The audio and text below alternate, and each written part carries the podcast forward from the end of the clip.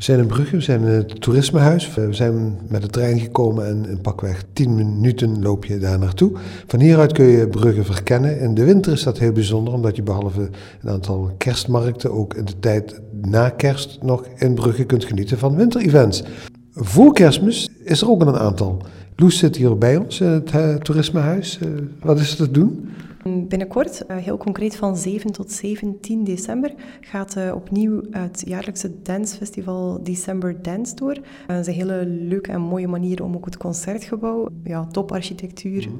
in Brugge te ontdekken. Dit jaar wordt het festival gecureerd door de danser Christian Rizzo. Het loopt tot 17 december, zoals gezegd. En die dag is er in het uh, Begijnhof ook een heel erg tot de verbeelding sprekende locatie.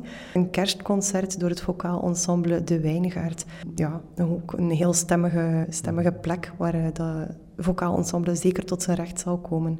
Ja, Brugge en winter-events, uh, die combinatie is dan de stad zelf, het stadje zelf, de historie. En als je daar dan in winterse stemmingen bij neemt, ja, dan heb je het ideale concept. Alle informatie en ook alle events die er gehouden worden tijdens de winterperiode vind je op visitbruges.be.